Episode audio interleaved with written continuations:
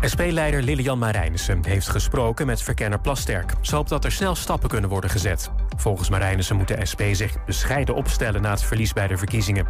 Eerder ging CDA-leider Bontebal langs bij Plasterk. Hij vindt dat de vier grootste partijen moeten praten over een coalitie. En het plan om in Purmerend maximaal 1500 Oekraïense vluchtelingen op te vangen gaat niet door. Het Rijk trekt er geen geld voor uit en daarmee is het onuitvoerbaar, zegt de gemeente. Die is verbaasd omdat het Rijk juist oproept om Oekraïners op te vangen. In Purmerend zouden ze komen in tijdelijke woningen in een weiland. Het weer van Weer Online. Hier en daar zon, maar op veel plekken ook grijs met mist. Het is tussen de 0 en 3 graden. Morgen meer zon en een graad of 2. En tot zover het ANP-nieuws. Mam, mama, ik moet plassen. We zijn bijna bij Willemse Toiletten. Daar kun je veilig naar een schoon toilet en je handen wassen. Willemsen Toiletten. Het openbaar toilet in de binnenstad van Enschede. Voor een hygiënisch en plezierig bezoek vindt u in de klanderij. Lever na uw toiletbezoek de waardebon in bij een van de deelnemende winkeliers. Scan de QR-code of kijk op willemsentoiletten.nl.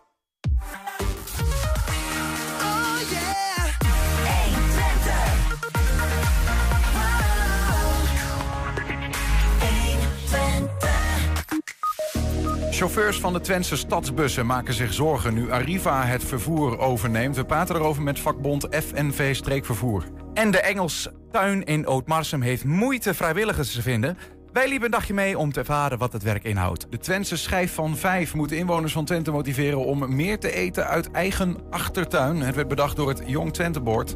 En in Almelo gaat de spoorzone de komende 15 jaar totaal op de schop. Wethouder Arjen Maathuis laat aan de hand van een maquette zien wat er gaat gebeuren. En tot slot de nachtburgemeester van Enschede, Annabel Bunt... die vertelt hoe op verschillende plekken in de stad dit weekend... een creativiteitsmarathon wordt gehouden. Het is donderdag 30 november. Dit is 120 vandaag. 120. 120 vandaag. Vanaf volgende week verdwijnen de rode stadsbussen van het Keoli-merk Twents uit het straatbeeld in de regio en neemt vervoersmaatschappij Arriba de dienstverlening over. Uh, chauffeurs maken zich zorgen over de nieuwe roosters die daarbij komen kijken. Bij ons aangeschoven is uh, Marijn van der Gaag. Hij is bestuurder bij FNV Streekvervoer. De vakbond heeft ook een uh, brandbrief gestuurd aan het provinciebestuur over die zorgen. Marijn, welkom. Welkom, ja, dankjewel. Wat is er, wat is er precies aan de hand? Want ja, die, we, we weten inmiddels dat Twents gaat vervallen, hè, die rode bussen. En er komen andere bussen voor in de plek. Ja, uh, nou, wat er aan de hand is, is dat waar wij bang voor zijn, is dat vanaf het moment dat straks de nieuwe vervoerder 10 december aan de slag gaat, dat de werknemers geconfronteerd gaan worden met verzwaring van de werktijden. En dat is eigenlijk wat we proberen te voorkomen. Bij de overgang naar een nieuwe vervoerder moeten allerlei diensten en roosters nieuw gemaakt worden. Mhm. En die moeten voldoen aan een bepaalde randvoorwaarden. En we merken dat daar nu, hè, achter de schermen is de overleg tussen Arriva als werkgever en wij als vakbond uh, over die diensten en die roosters. Ja. En wij willen dat dat conform bepaalde regels zoals de CAO gaat. Ja. En wij vinden ook dat bepaalde regels die zijn toegepast onder de oude vervoerder, als het gaat over de lengte van diensten, et cetera, uh, worden meegenomen. En Arriva zet daar nu druk op om bijvoorbeeld uh, bepaalde zaken niet of anders mee te nemen.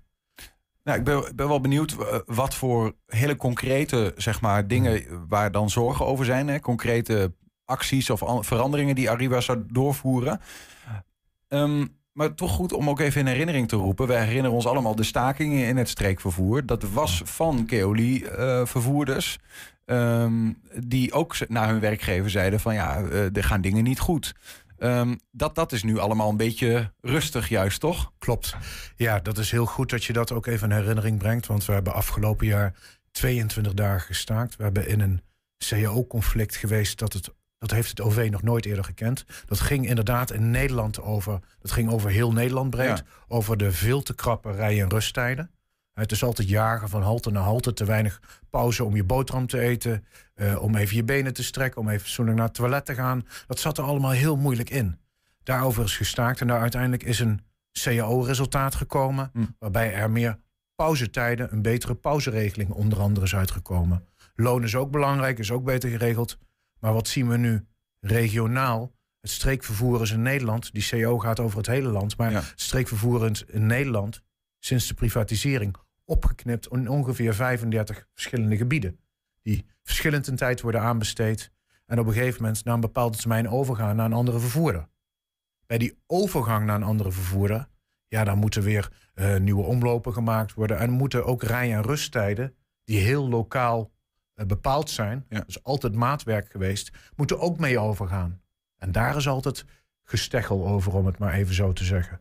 En dat is wat hier nu op dit moment regionaal aan de hand is. Dus het is eigenlijk standaard onrust als een eh, vervoers, eh, maar ene vervoersmaatschappij de dienst overneemt van de ander. Klopt. Omdat er dan, hè, we weten ook dat er andere buslijnen gaan eh, komen, Precies. andere vervoerstijden, dat brengt het allemaal mee. En Ja, de- inderdaad. dus dan is die, die onrust die on- nu ontstaat, is, is eigenlijk normaal? Of, Ja, ja, normaal heb je heel veel onrust als een metaal- of een industriebedrijf overgaat naar, een, naar iemand anders.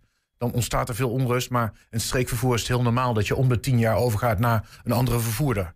Maar omdat die eh, bij een fabriek zijn de werktijden in, in ploegen vrij normaal altijd. Dat blijft gewoon staan, ook ondanks dat een bedrijf overgaat. Ja. Maar in het vervoer eh, zal die dienstregeling constant veranderen. Mhm. Omdat omlopen veranderen, ruimtelijke ordening eh, wordt weer anders ingedeeld.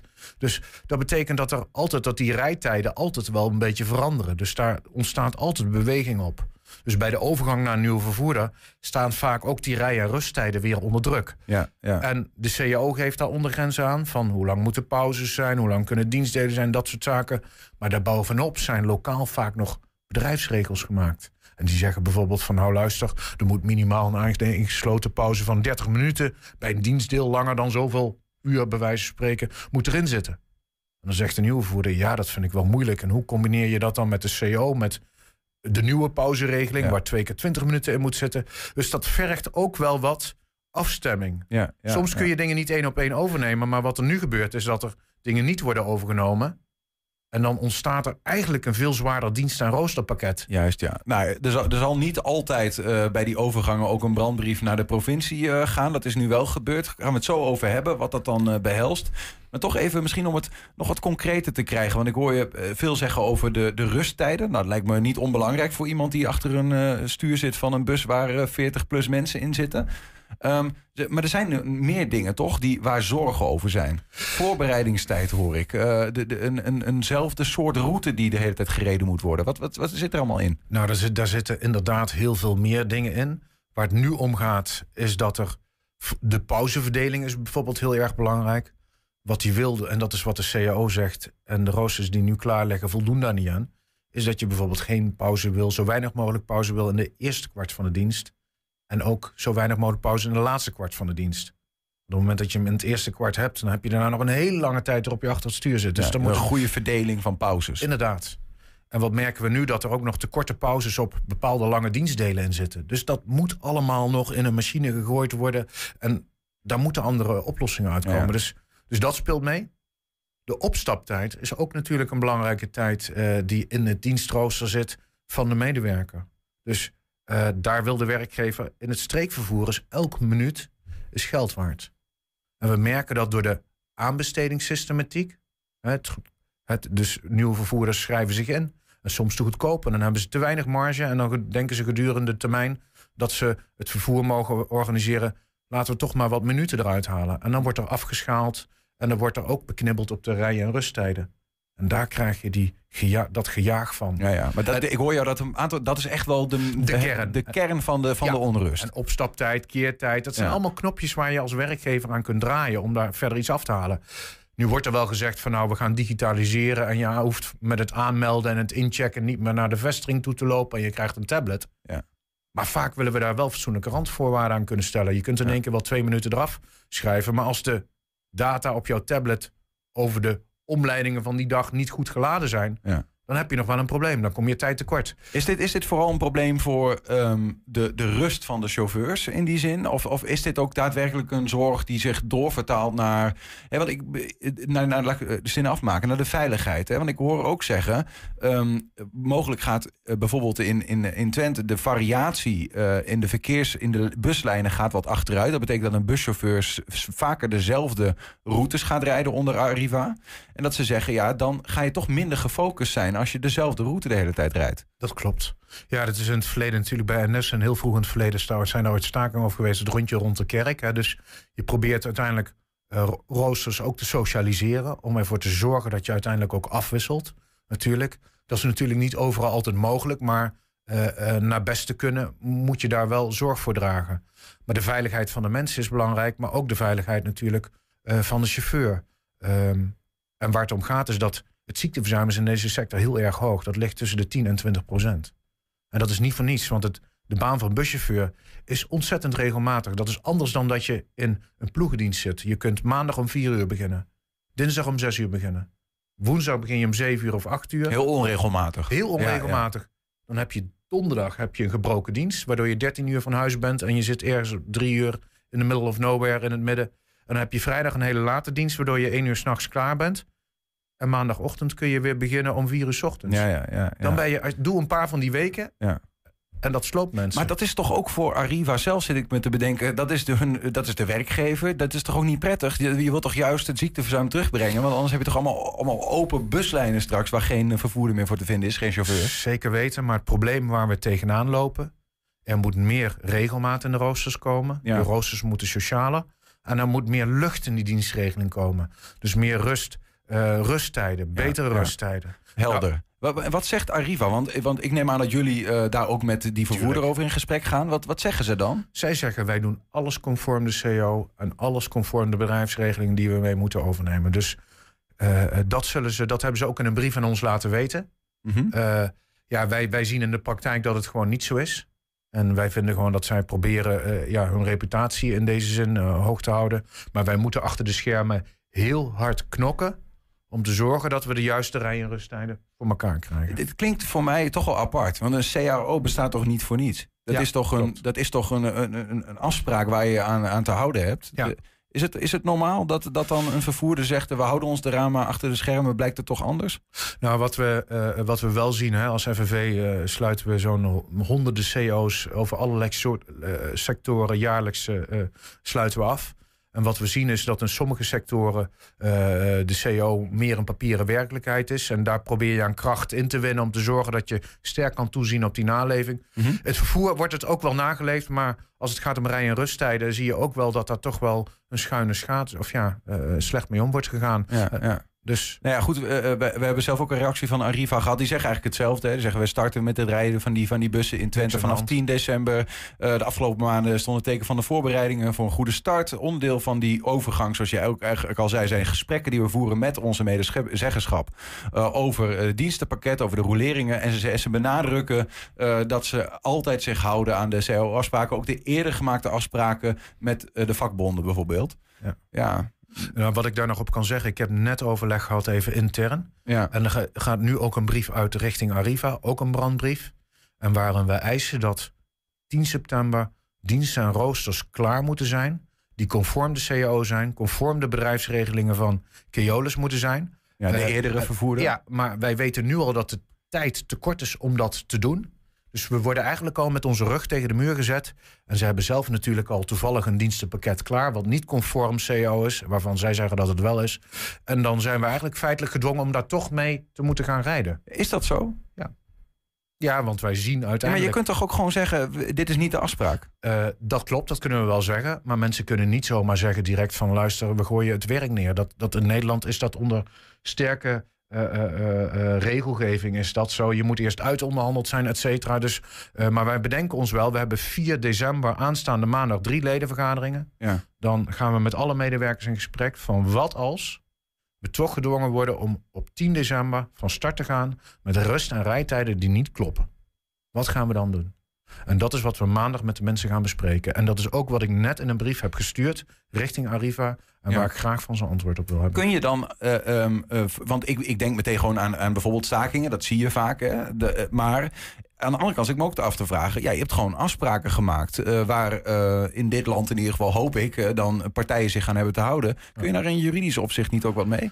Ehm, in juridisch opzicht, eh, eh, een vakbond kan soms eh, eh, eh, juridisch inderdaad maatregelen als iets niet voldoet aan, aan, aan, aan regelgeving of wet.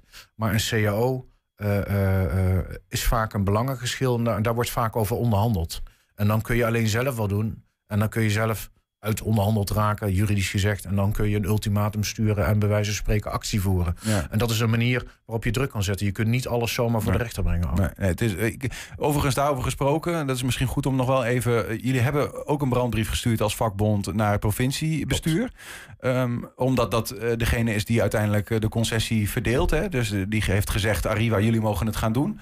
Wat heb je aan, aan het provinciebestuur gevraagd of gezegd? Nou, wat ik wil is dat zij inspanningen verrichten om met de werkgever te praten van eh, zorg dat je met de vakbonden eruit komt en dat je alles conform eh, wet en regelgeving doet.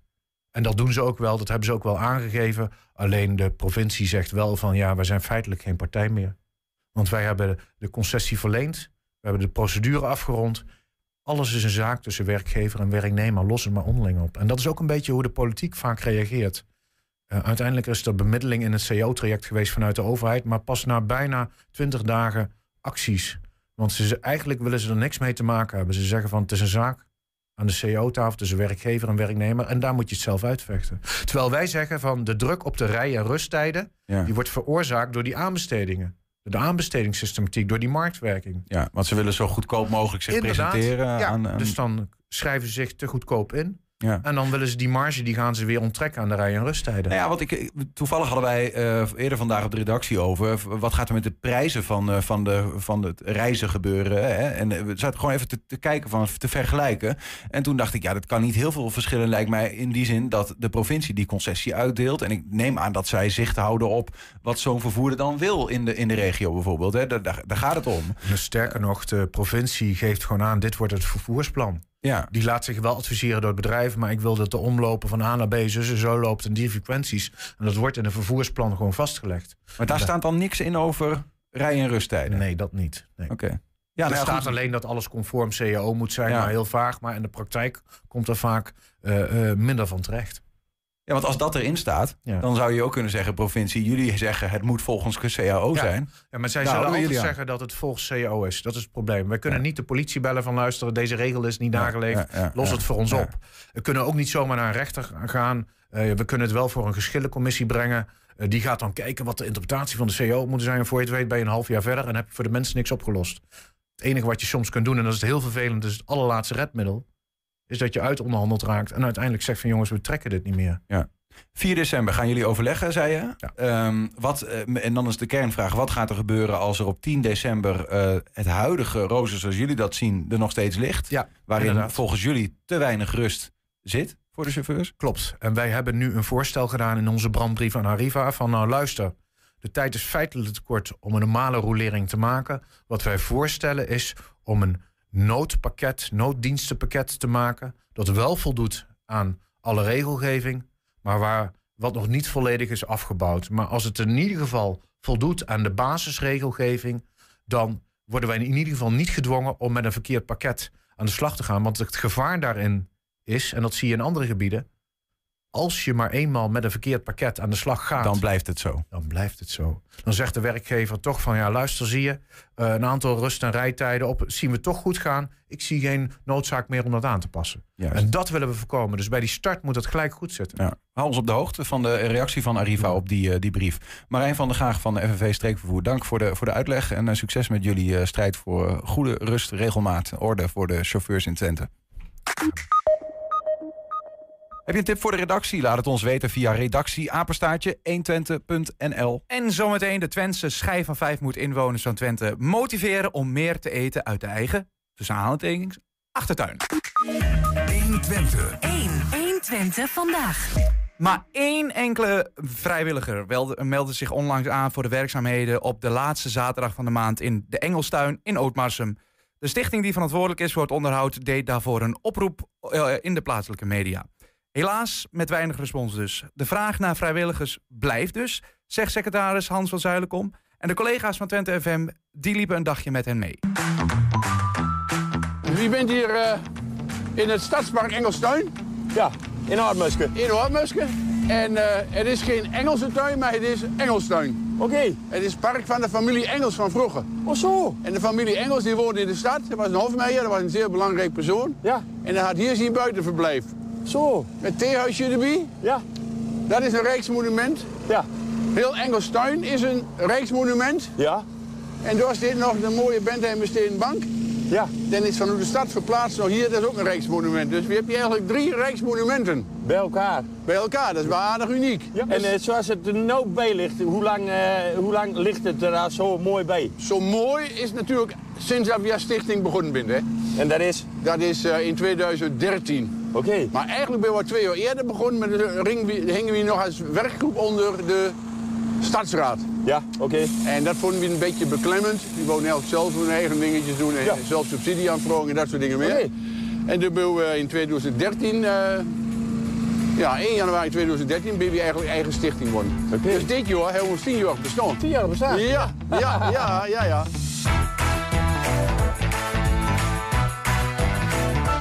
En alles wat hier aan het werk is, hè, hier om hen, eh, eh, allemaal vrijwilligers? Allemaal vrijwilligers. We hebben geen, geen, geen betaalde kracht. Nee, Natuurlijk nee, niet. nee. Allemaal vrijwilligers. Man of twintig. En Ja. vrouwen.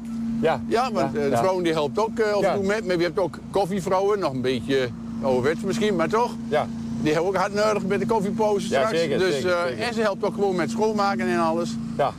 Ja, en onze, onze hoofdtaak is eigenlijk het onderhoud van Engelstuin en het verfraaien. Het onderhoud, hè, zoals je het ziet, eh, ik mij vraag even, even een uurtje medhelpen. Ja. Maar eh, eh, hey, haan genoeg. Ja, wie wilde nog wel graag wat bij hem? Ja, toch? Wie wilde wel graag wat bij hem? Want, Vrijwilligers erbij. Ja, wie, heb, Ja. toch geconfronteerd afgelopen jaar, ja, anderhalf jaar met een twee of drietal eh sterfgevallen. Oh ja. Ja, en er waren allemaal onverwachte sterfgevallen. Ja. Dus er waren toch mensen die wel volop hier bezig waren. En we hebben toch wel een groep van 20 heel echt wat nodig. En daar zitten we nu net krap aan. Ja. En, eh, maar het zou heel mooi zijn als er nog een paar mensen bij kring. Het gaat eigenlijk niet hard genoeg. Nee. Het is heel veel van mond tot mond. Ja. Hè, maar wie kent heel veel in Noordmusken en ook de Nobels hier. Hè. Wie noemt ons eigenlijk ook Nobels van Engelstuin. Ja. Ja? Ja. En, eh, maar er moeten nog een paar meer die moeten bijkomen, wel hier nieuw binnen komen worden. Iedereen is druk, hè? Ja, ja, ja. Iedereen is druk. Druk Ja. met eigen dingen. Ja. Hè? En verder is het heel gezellig. Het is, eh, het is ook een sociaal, eh, sociaal gebeuren voor sommige mensen. Nou, je bent weer met hier, je bent met een aantal mensen. Je hebt regelmatig, straks hebben we onze nieuwjaarsbijeenkomst weer. Je hebt onze vrijwilligers om door, Ja. door het jaar heen. Dus eh, Maar hoe vaak doe je dit, eh, dit werk zeg maar, hier op, op Engelstein? we hebben twee werkochtenden in de maand. Oké. De laatste woensdag van de maand en de dooropvolgende zaterdag. Dus bij deze een oproep. Mochten mensen zin hebben om, net als ik, mal de haan uit de, uit de mountain te steken, dan eh ben ze welkom. Ik verwacht dat je elke maand weer komt. Ja. Kom, die doen het. Die doen het. Ja, ja, ja, dan die doen het. straks begin zeg. Ja, ja.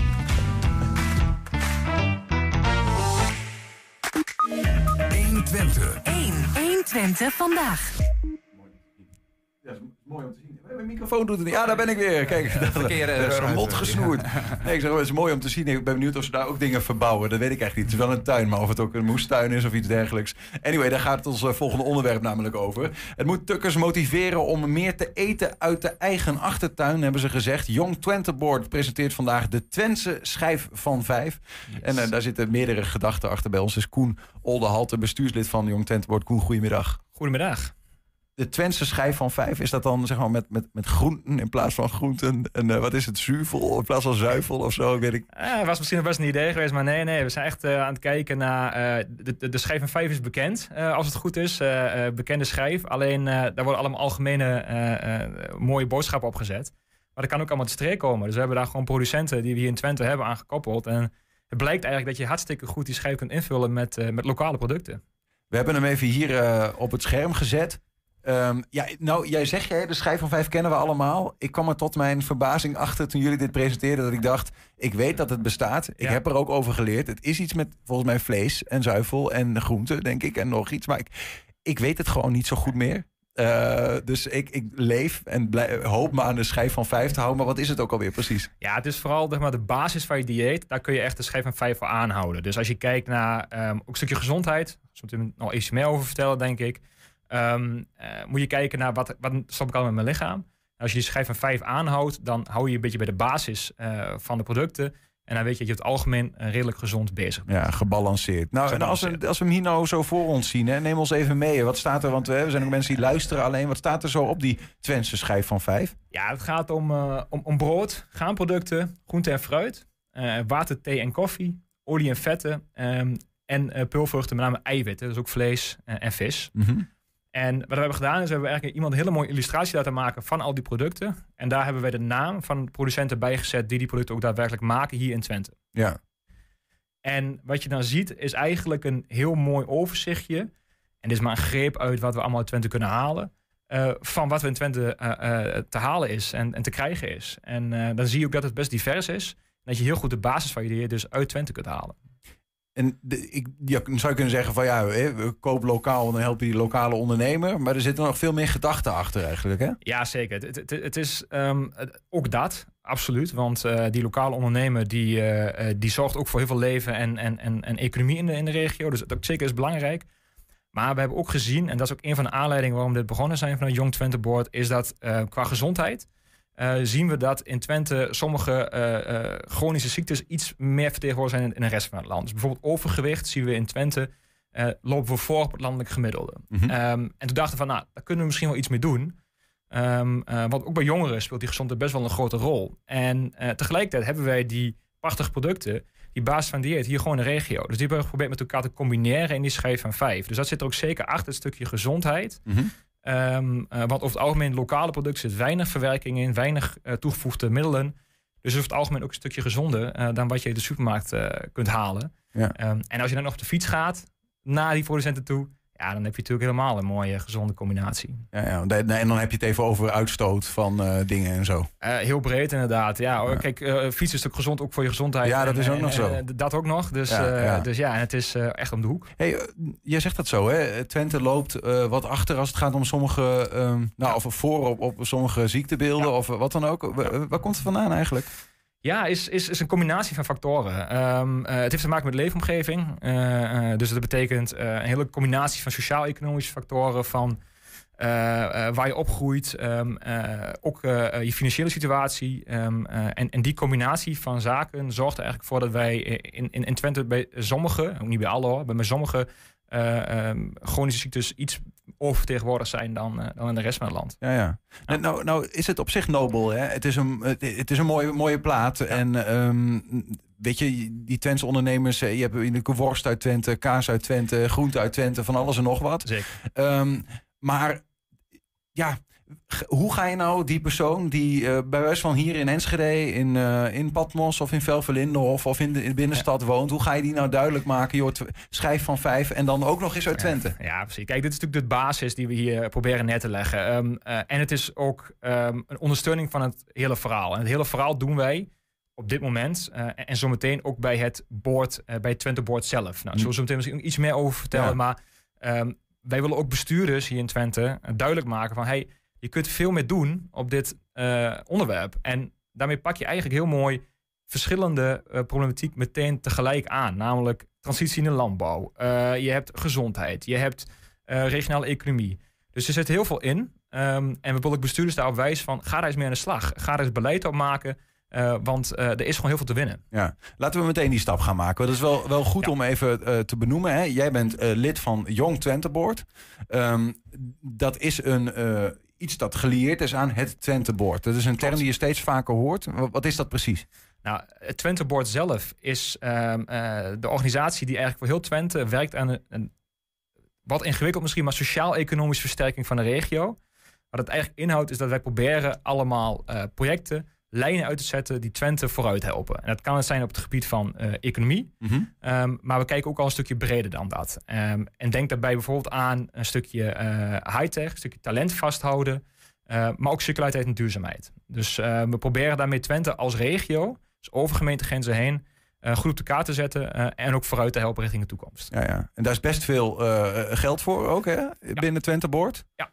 Ehm, waarmee uiteindelijk, nou, en, en dat is, dat, maar dat hangt wel weer samen ook met het bestuur, met, met de gemeenteraden, met eh, Ja, precies. Het is, het is eh, zo geregeld bij ons dat we eigenlijk samenwerken met het, het onderwijs, het overheid eh, eh, en de ondernemers. En die zijn ook allemaal vertegenwoordigd in het board. Dus het is best wel uniek. Eh, we zien het eigenlijk maar op één andere plek in Nederland ook, waar in, in, in Brainport eh, in Eindhoven, waarin wij op een officiële manier met elkaar samenwerken. En dat betekent dus dat al die drie eh, kolommen ook vertegenwoordigd zijn in het board. En dat maakt het heel erg spannend, want iedereen heeft zijn eigen belang. Maar Ja. het maakt ook dat je eigenlijk heel mooi een Twente breed verhaal kunt vertellen met elkaar. En ook met elkaar kunt kijken, oké, waar moeten we nou met Twente naartoe? Ja. Moet ik het dan zo voor me zien dat er op gezette tijden een x-aantal mensen om een tafel zitten... en de aantal zijn vanuit het onderwijs, een aantal vanuit de overheid... en een aantal vanuit de ondernemers... en die eh, praten met elkaar over hoe gaat het in Twente, wat moeten we doen... en hoe gaan we dat doen? Uh, ja, uh, dat gebeurt ook. Uh, maar het is natuurlijk veel meer dan dat. Want wij uh, proberen ook die verbinding constant te hebben. Dus, dus het is, je hebt zes keer per jaar een bordvergadering... waar ze echt inderdaad fysiek om een tafel zitten met elkaar. Ook om, om met elkaar besluiten te nemen. Maar daaromheen hebben ze heel veel contact met elkaar en met ons... om te zorgen dat wij um, de goede projecten doen. Dat wij impact maken in de regio. Dat wij zorgen dat wij eigenlijk alles bij elkaar... een veel gelukkigere regio worden dan we nu zijn. Dat geluk, hè, want dat is wel een interessant ding. De, um, het Twente-board heeft een, heeft een term geïntroduceerd, bruto Twents geluk. Wat, uh, zoals ik het begrijp, inhoudt van je moet niet alleen kijken naar hoe goed gaat het met onze centen, maar vooral hoe goed gaat het met onze gesteldheid. Um, kun je daar op een of andere manier uh, op sturen? Nou is er iets interessants aan de hand, namelijk jij bent lid van het Jong Twente-board. Um, dat, dat bruto Twents gelukverhaal, dat komt vanuit de jongeren. Klopt, ja, helemaal waar. Ja, wij, wij hebben eigenlijk gezien als jongeren, en, en, en ik ben sinds, uh, sinds augustus uh, actief voor Jong Twente Board, dus alle eer gaat toe naar de, de, de mensen voor mij. Uh, maar die zagen eigenlijk van, hey, er is gewoon meer dan alleen economie, er is meer dan alleen geld verdienen. En bij de jongeren zie je dat veel sterker terug. Die, die willen eigenlijk veel meer um, dan alleen maar dat, dat financiële plaatje zien. Ja. En dat gaat dan ook over mentaal welzijn, het gaat over milieu, dat gaat over veiligheid. Um, en dat willen we graag wel in een Twentse saus hebben, want ja, je hebt de brede welvaart. Alleen dat is een beetje abstract, een beetje ver weg van onze, uh, van onze regio. En toen hebben ze dus de, het bruto Twents geluk bedacht. En uh, toen ze het bedachten, dat heb ik ook meegekregen. Um, hadden ze niet verwacht dat het zo zou aanslaan. Weet je, soms heb je iets en, uh, en, en dat opeens gaat het, neemt het een enorme vlucht. Nou, dat is hier wel mee gebeurd. We, we zien het overal terug. En ja, dat is wel echt heel mooi om te zien dat dat um, toch iets raakt. Want blijkbaar leeft het bij meer mensen dan alleen bij de jongeren. Maar hoe, hoe belandt dat dan vanuit Jong Twenteboord bij Twenteboord? Want dat, dat, eh, Jong Twenteboord is een soort van klankgroep of zo. Hoe, ja, hoe zit dat? Ja, wij, wij geven eigenlijk, uh, we zijn een soort van klankbordgroep, adviesorgaan van het, het, het senior Twenteboord. Uh, om die stem van de jongeren ook te vertegenwoordigen. Want uh, kijk, bestuurder zijn is een vak, heel, heel simpel. Uh, maar dat betekent ook dat je ervaring moet hebben. Dus dat betekent dat ook jongeren uh, niet zo heel vaak in de bestuurdershoek zitten. Maar om die stem wel te vertegenwoordigen. Want ja, heel veel onderwerpen gaan wel over de toekomst. En ook over de toekomst van de jongeren. Uh, willen we wel heel graag dat die ook vertegenwoordigd worden mm -hmm. binnen dat board. En dat doen wij dus door middel van uh, het Jong Twente Board. En daarmee kunnen wij ook sparren met die bestuurders. We, we prikkelen af en toe, we schuren af en toe ook wel een beetje. Want dat moet ook uh, als jongeren.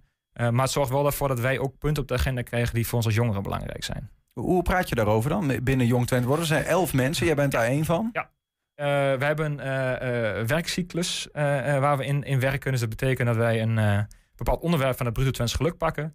En daar gaan wij gewoon eens met elkaar aan tafel zitten. Wat, wat willen we hier nu mee doen? Wat is hier nou echt belangrijk in? Nou, noem eens wat onderwerpen. Ja? bijvoorbeeld, in dit geval is het gezondheid en leefomgeving die ja. we hebben gepakt. Maar ook um, sociale um, contacten. Dus wij hebben ook heel veel zien, en dat hebben we in de vorige cyclus gedaan dat heel veel mensen in hun eigen bubbel blijven. Dat zijn allemaal, even om het goed te begrijpen, ja. dat zijn dus allemaal onderdelen die samenhangen precies. en samen maken dat iemand gelukkig is of minder gelukkig. Je zegt het precies goed. Oké, okay, ja. ja. En uh, we proberen die onderwerpen die bij jongeren leven, proberen wij juist actie te ontwikkelen. En dat is bijvoorbeeld in de vorige cyclus was dat breek de bubbel. Dus zorg dat jij buiten je eigen sociale bubbel eens contacten zoekt. Um, om uh, uh, jouw wereldbeeld te, te verrijken. Want we zien dat er heel erg veel in isolatie met elkaar gebeurt. Dus dat we niet meer met elkaar praten. Dat speelt bij jongeren ook heel sterk, zeker op het onderwijs. Uh, en daarvoor hebben wij een actie uh, neergezet met Breek de Bubbel. Dat hebben we ook met onderwijsinstellingen samen opgepakt. Uh, om, om dat stimuleren van... Zorg ervoor dat we structuren creëren die ervoor zorgen dat jij makkelijk uit die ja. bubbel kan, kan stappen. Kun je een, heb je een concrete resultaat daarvan? Van dat jullie dan zo'n inbreng hebben? Jazeker, ja. Nou, Bruto Trends Geluk is natuurlijk een heel ja. mooi resultaat ervan. Breek de Bubbel bijvoorbeeld, daar hebben onderwijsinstellingen van gezegd... hey, dit is heel relevant op dit moment hier willen we mee aan de slag. Dus ze zijn dus nu bezig uh, om daar uh, invulling aan te geven binnen bijvoorbeeld ROC, uh, binnen de Saxion, binnen het UT. En daar worden wij binnenkort weer bij betrokken om dat verder te brengen. Maar uiteindelijk zijn wij wel een organisatie, wij zijn geen uitvoeringsorganisatie. Daar hebben we de capaciteit helaas niet Je geeft voor. advies. We geven advies en we proberen dat ook echt verder te brengen. Um, en we zijn altijd bereid om daar ook over mee te praten en aan te sluiten. En ook om werk te verzetten. Um, maar tegelijkertijd moeten we ook accepteren dat, dat, um, uh, dat onze capaciteit ook wel beperkt is. Dus we, we, proberen daar altijd een balans in te vinden. Ja, ja. ja. Wat bezielt jullie eigenlijk? Daar, ja, kijk, ja, jij bent 31, hè? Ja, um, uh, er zijn natuurlijk ook heel veel 31-jarigen die, uh, nee, die zijn aan het begin van hun carrière dingen aan het doen en zo. Maar deze groep mensen, Jong Twente Board, dat zijn allemaal mensen die dat op vrijwillige basis doen. Ja. Ik hoor jou zeggen, elke twee weken kom je bij elkaar. Het is, uh, het is best intensief. Um, maar ehm, we, eigenlijk is het maar één ding dat ons echt bindt. Dat is de liefde voor Twente. En, en, en de potentie die wij zien in deze regio. En dat maakt dat wij met alle plezier vrijmaken om te kijken hoe kunnen wij die regio als geheel nu een stapje vooruit brengen. Eh, en, ook op positieve manier. Wij zijn niet een partij die overal maar tegenaan wil schoppen. We zijn echt aan het kijken hoe kunnen we constructief bijdragen aan verandering binnen zo'n um, uh, regio. En ik, ik kom zelf uit de Lutte. Um, dus echt kind van de regio. En ja, voor mij is dat een enorme drijfveer om te doen wat ik doe.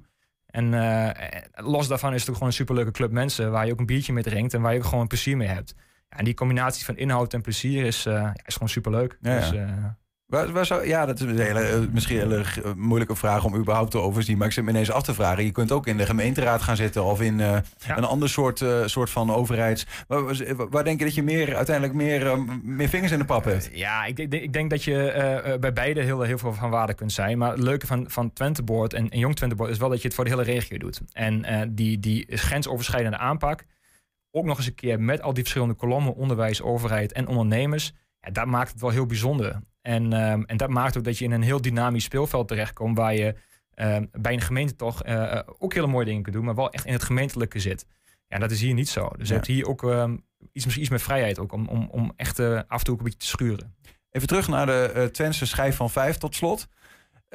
Ja, moet dat weer een zo'n uh, moet dat weer een soort bruto Twents gelukachtige knaller zijn uh, die er doorheen uh, klapt? Hoe, hoe kijk je er tegenaan? Ik, het zou super mooi zijn. Um, en tegelijkertijd is dit ook een basis. Dus we zouden het heel mooi vinden als dit uiteindelijk ook wordt verder gebracht door misschien een andere organisatie. En het kan zijn het Twentse GGD, het kan zijn een supermarkt. Daar staan we helemaal voor open. Wij willen dit gewoon een half jaar lang gaan, gaan onderhouden en, en, en, en ook gaan promoten. Um, maar we zouden het heel mooi vinden als de regio het zo meteen oppakt en verder brengt. Want uiteindelijk um, het is het hartstikke mooi dat je nu kunt zien uh, uh, dat, de, dat we deze producten hebben, dat, ja. dat je naar die procent toe kunt. Maar um, uh, dat is pas het begin. Er moet wel actie komen. En, en die actie, die, die, die gaan wij, daar gaan we in ieder geval ons uiterste best voor doen om die voor elkaar te krijgen. Wat is, je, wat is je oproep? Misschien dan tot slot al. Wat is je ja. oproep aan, aan Twentenaren? Ga alsjeblieft naar uh, die lokale producenten toe. Um, niet alleen voor die producenten, maar ook voor jezelf. Want het is ten eerste gewoon ontzettend leuk om te zien wat die mensen daar allemaal doen. Ze kunnen met heel veel passie vertellen over de producten die zij maken. Ja, en het is super lekker. Dat is uiteindelijk wat mij misschien wat nog meest bijblijft. Um, kip uit Albergen uh, is niet de kip die je in de supermarkt hebt. Dat is een ander product. Dat is echt een wereld van verschil en dat moet je gewoon ervaren. Kijk, Twentse schijf van 5.nl. Als je het allemaal even wil, wil zien. Daar staat nu al een hele bunch aan uh, producenten staat erop. Ook producenten kunnen zich nog melden. Producenten kunnen zich melden. Ja. Um, maar ook nog misschien goed om heel kort nog te noemen. We hebben een panel waar we vaak op uh, een jongere panel. Dus mag je daar um, leuk vinden om, om meer te denken en, en meer te willen beslissen. Meld je aan daarbij. Kan ook via de website Twentse schijf van 5. Dank voor je enthousiasme. Koen Oldehalte van het Jong Twenteboard over de Twentse schijf van 5 vandaag gepresenteerd aan de wereld. En hier, dankjewel. We zijn ook als uh, podcast te luisteren via alle bekende platformen. En je vindt daar de gehele uitzending terug. En iedere dag één uit item uitgelicht nieuws. En straks hier nachtburgemeester van Enschede, Annabel Bunt. Ze organiseert dit weekend een creativiteitswedstrijd. En dat zou grootser moeten zijn dan het is. Maar toen raakten de creatieven hun broedplaats aan het stationsplein in Enschede kwijt. 120. 1. 120 vandaag. En Almelo maakt zich op voor een mega-metamorfose van dat deel van de stad waar de trein doorheen rijdt. Deze zogeheten spoorzone geldt als kapstok van de ontwikkelvisie Almelo Centraal. Wethouder Arjen Maathuis spreekt van een ambitieus en tegelijkertijd realistisch plan. Hij legt uit aan de hand van een maquette wat precies de bedoeling is. We staan hier uh, rondom de maquette van uh, uh, het gebied wat wij noemen de spoorzone. Ehm, de ontwikkelvisie Almelo Centraal is gepresenteerd. Het bijzondere aan de Almeloze spoorzone is dat het een, een vrij groot gebied is. Dus dit is een gebied waar we de komende 10, 15 jaar aan gaan werken. Het is een nieuw perspectief voor de stad. We gaan hiermee de stad verder brengen. Het is ook een gebied waarvan het gemeentebestuur zegt... daar moet iets aan gebeuren. En in die ontwikkelvisie hebben wij een aantal gebieden rondom het station waarvan wij zeggen van daar willen we woningbouw laten, laten plaatsvinden. Dat is het gebied het Westerdok. Uh, dat is het gebied achter de molen uh, rondom de nieuwe moskee die gebouwd wordt. En dat is het werken aan een vernieuwd station. En het is de bedoeling dat we in dit gebied minimaal duizend woningen gaan toevoegen. Uh, we hebben een prachtig station. Hè? Uh, de, als je het station uh, aanschouwt, dat is een rijksmonument. Daar kijken we nu ook hier schuin op. Met die mooie klok. Het is naoorlogse bouw. Daar gaan we niet veel aan doen. Dat laten we staan. Almelo is een groene stad. En we willen van die groene kwaliteit meer gebruik gaan maken.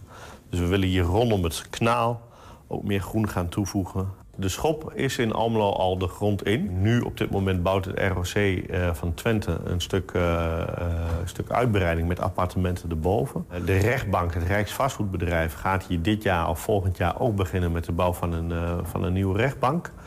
dus er is volop beweging in het gebied. Mensen mogen hun zienswijze op de ontwikkelvisie inbrengen. Maar wat we proberen te doen met het gebied is nadrukkelijk, letterlijk... en u ziet dat hier ook op de maquette, een brug te slaan... tussen het zuidelijke deel van het spoor, uh, Kerkenlanden... en het gebied achter de molen... en het noordelijke gedeelte, het Indië-terrein... wat al eigenlijk uh, bijna klaar is qua woningbouw... en de Westerdok. En vandaar dat we ook dat vernieuwde intercity-knooppunt wat we zijn...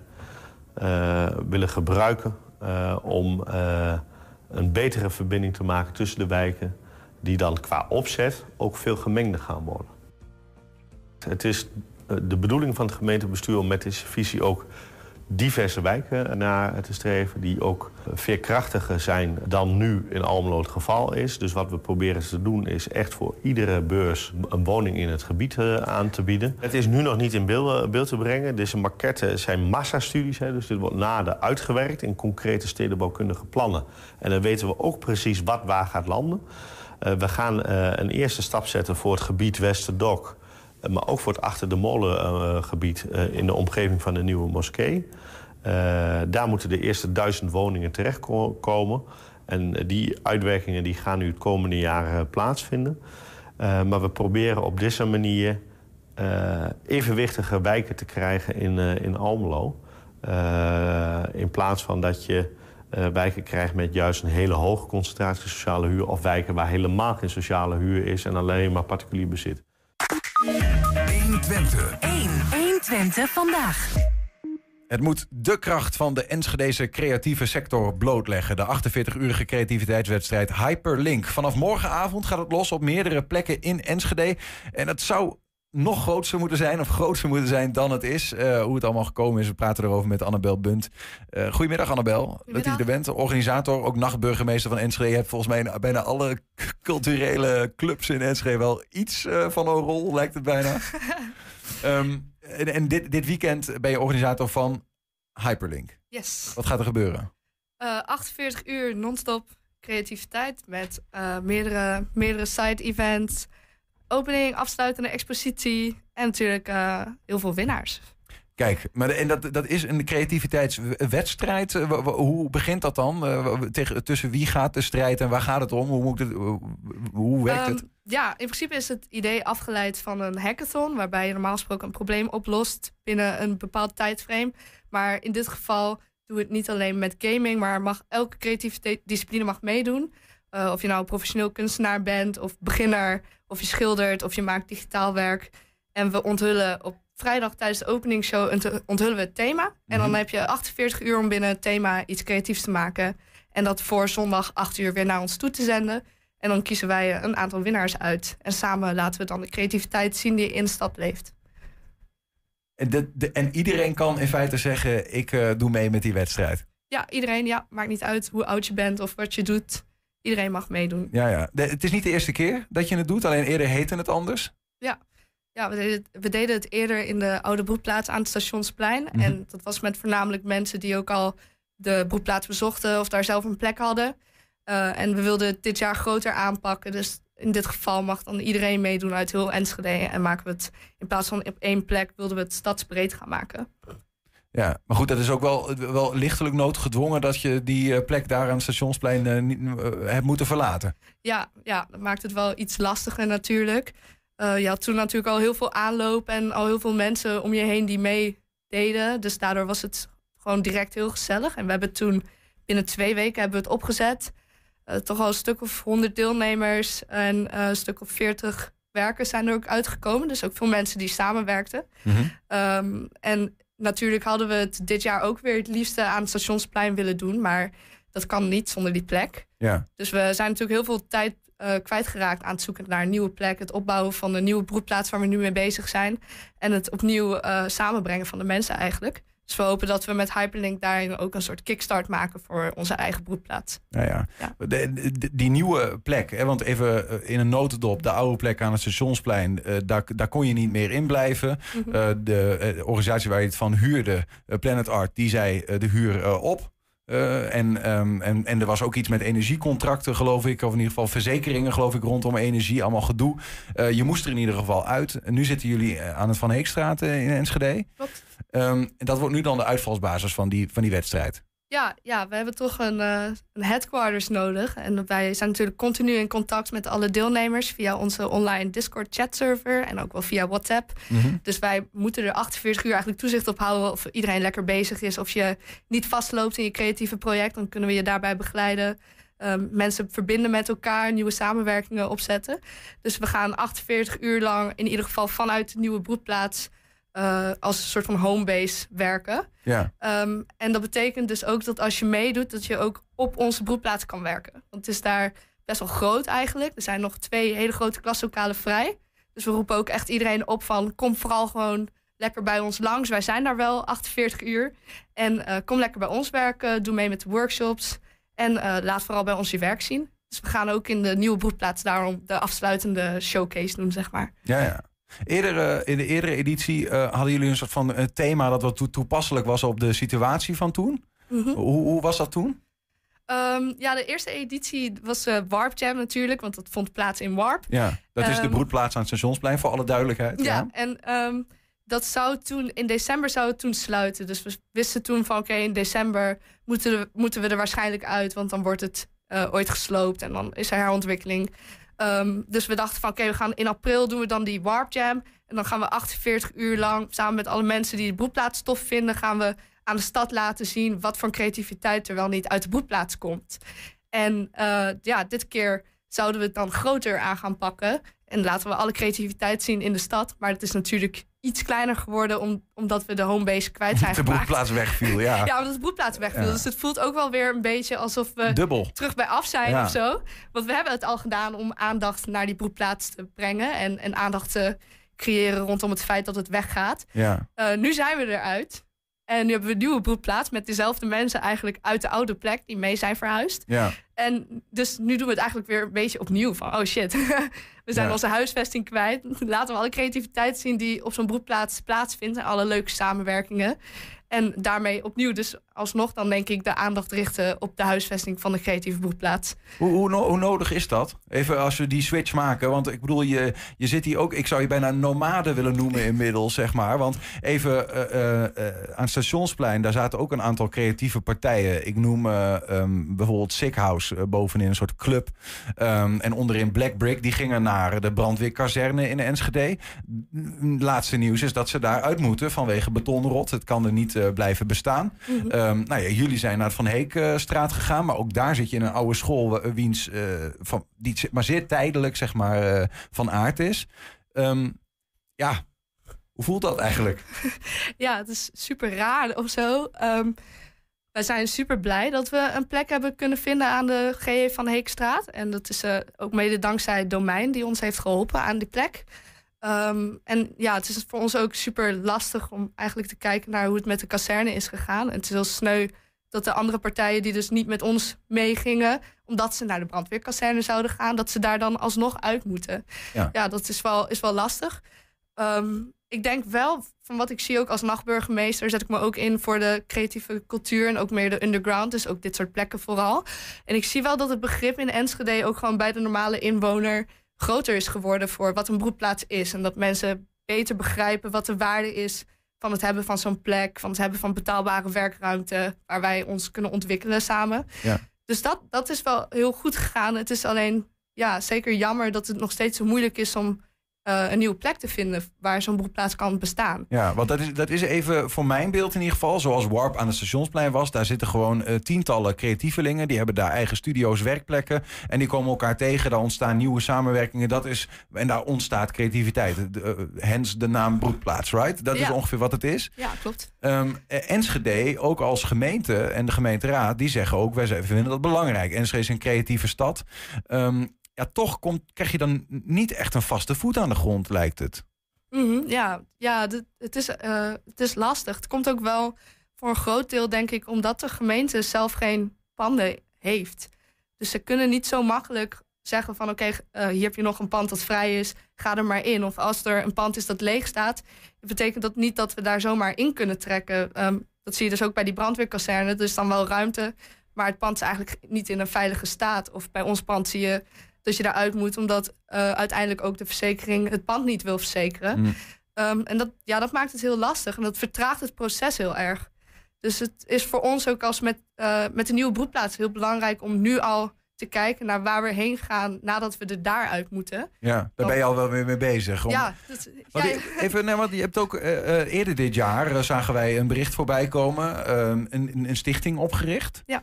Ehm, dat is eigenlijk, de, eh, volgens mij de Stichting Creatieve Broedplaatsen Enschede, zoiets. Ja. Eh, nou ja, what you see is what you get. Ehm, met een aantal mensen waarmee je nu ook die eh, creatieve marathon organiseert komend weekend. Mhm. Wat is de bedoeling daarvan? Ja, de bedoeling was uiteindelijk eh, als eerste het vinden van nieuwe huisvesting voor alle creatieven in onze oude broedplaats. Ja. Dus dat was eigenlijk iedereen die overbleef naast Sickhouse en Blackbrick, omdat zij naar de kazerne zouden gaan. Dat is gelukt, want je zit nu in die school. Ja, en dat is dus gelukt. Dus wij, wij zijn met, nu met 30, 20 mensen naar de school. En we hebben ook alweer nieuwe aanmeldingen van andere creatieven die daarbij willen. Ehm, dus we zijn denk ik binnenkort al wel in de fase van... oké, de huisvesting voor nu is zeg maar opgelost. Wij gaan ons ook richten dan op het opzetten van echte broedplaats. Dus hoe richt je nou een broedplaats op... en zorg je ervoor dat het wel duurzaam is? Dat het over vijf jaar nog groter en nog sterker is?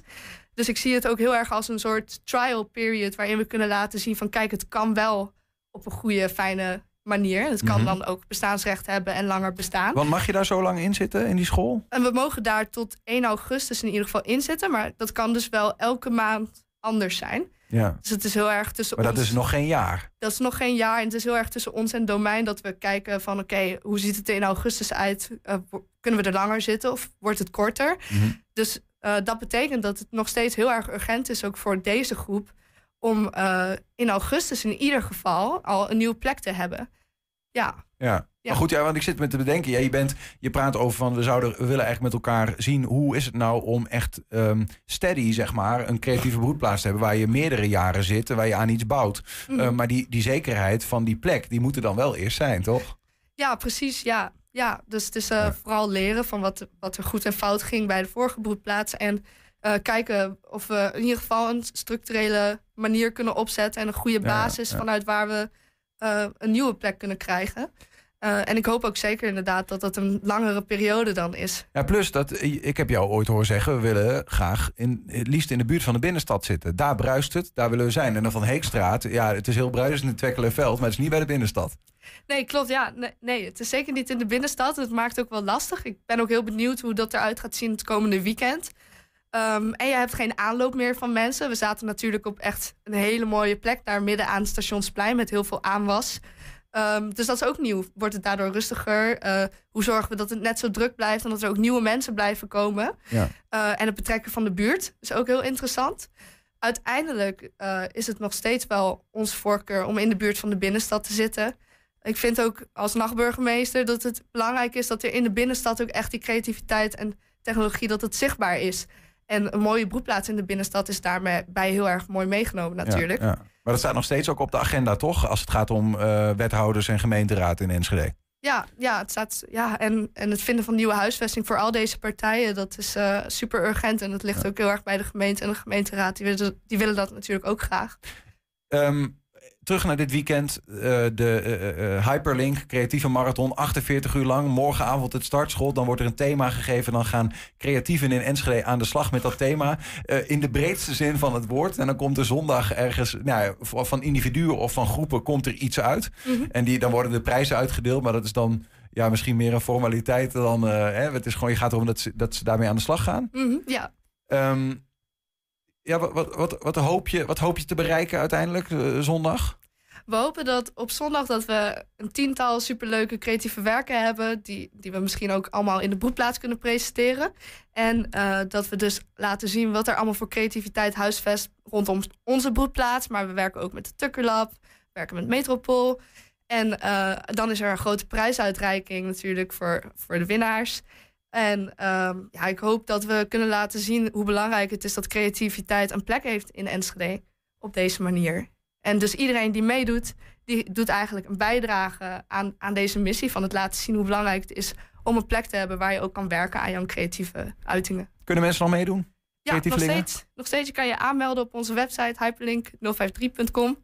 En eh, je kan naar de opening komen. Het wordt ook allemaal gelivestreamd met een 48 uur lange non-stop livestream vanuit onze boekplaats. Maar de opening vindt plaats in het muziekcafé in Metropool. Die plek kennen jullie natuurlijk allemaal. En we sluiten het dan af op onze nieuwe locatie in Twekkelenveld. En we hopen dat jullie dan ook allemaal het lef hebben om daarheen te komen en te komen kijken. Kijk, morgenavond hoe laat? Om half acht. Half acht gaat het beginnen. Zondag sluit het af om? Eh, half acht opent het. Om acht uur is het thema. En dan heb je vanaf acht uur 48 uur. Dus zondag om Ja. acht uur, dan sluit het af. Is het kloesje, dan gaan mensen slapen, denk ik. Ja, ja zeker. Annabel, dankjewel. Veel plezier dit weekend. En sterkt ook een beetje misschien wel. Dankjewel. En dit was eh 120 vandaag eh, voor deze donderdag 30 november. Tijd vliegnieuws. Binnenkort weer eh, kerstboom opzetten of wacht je tot eh, na de Goed Heilige Man het land uit is? Eh, nee, d- dat ga ik zeker doen. Maar ik moet eerst even een nachtje doorhalen zelf op het Wilmingplein in Enschede voor de sleep-out. De shelter suit gaan we doen vanavond. Dus, nou, sterkte. Dankjewel. En, zometeen hier Henk Ketting en 120 vandaag kun je natuurlijk terugkijken via 120.nl. Vanavond om 8 uur en 10 uur. Tot de volgende. Jo. Thema beveiliging staat voor betrokkenheid, adequate optreden en betrouwbaarheid. Waar de concurrent stopt, gaat thema beveiliging net een stap verder. Thema beveiliging levert alle vormen van beveiliging voor zowel de zakelijke als de particuliere markt. Thema beveiliging, de beveiligingsorganisatie van het Oosten. Telefoon 053 4800 560 of stuur uw e-mail naar info@themabeveiliging.nl. Is jouw auto toe aan een onderhoudsbeurt of een APK-keuring? Maak dan nu een afspraak bij Gebroeders van der Mei in Enschede. Of het nou gaat om APK-keuringen, reparaties, bandenopslag of totaalonderhoud. Gebroeders van der Mei leveren vakmanschap, passie en echte service. Je vindt ons aan de Lonnekerbrugstraat 80 in Enschede. Mam, mama, ik moet plassen. We zijn bijna bij Willemse Toiletten. Daar kun je veilig naar een schoon toilet en je handen wassen.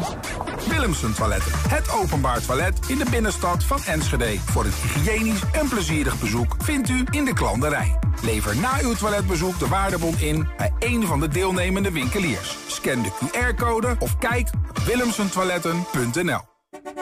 Ook ik rij op autobanden van Gebroeders van der Mei. Vind ons aan de Lonnekerbrugstraat 80 in Enschede.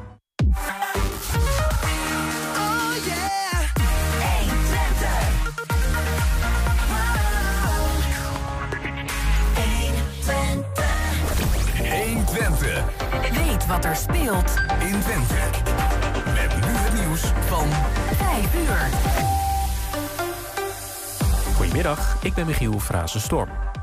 Op de eerste dag van de klimaattop in Dubai is er al meteen succes geboekt. Er komt een fonds voor arme landen om ze te helpen met schade door klimaatverandering. Minister Rob Jetten noemt het goed nieuws dat zo'n fonds er komt. Volgens Eurocommissaris Wopke Hoekstra stort de EU er minimaal 225 miljoen euro in. In de Drentse kofferbakmoord is een hoger beroep 20 jaar cel geëist tegen Hans O. Hij werd vorig jaar vrijgesproken wegens te weinig bewijs. De zaak draait om een man die in 2017 in Koevoorde met een ingeslagen hoofd dood werd gevonden in de kofferbak van zijn eigen auto. Volgens justitie zat er DNA van O op de broek van het slachtoffer. De ANWB merkt goed dat het is gaan vriezen, want vandaag waren er 40% meer pechgevallen dan anders. Naar verwachting moeten medewerkers vandaag meer dan 5000 automobilisten helpen. Het gaat meestal om kapotte accu's en dichtgevroren sloten.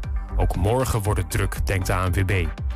En zanger Jan Smit, voorzitter van Eredivisieclub Volendam, legt zich neer bij zijn ontslag. Volgens de Raad van Commissarissen heeft Volendam geldproblemen en is er geen vertrouwen dat Smit die kan oplossen.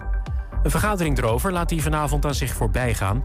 Smit zegt dat een kalkoen ook niet zelf naar het kerk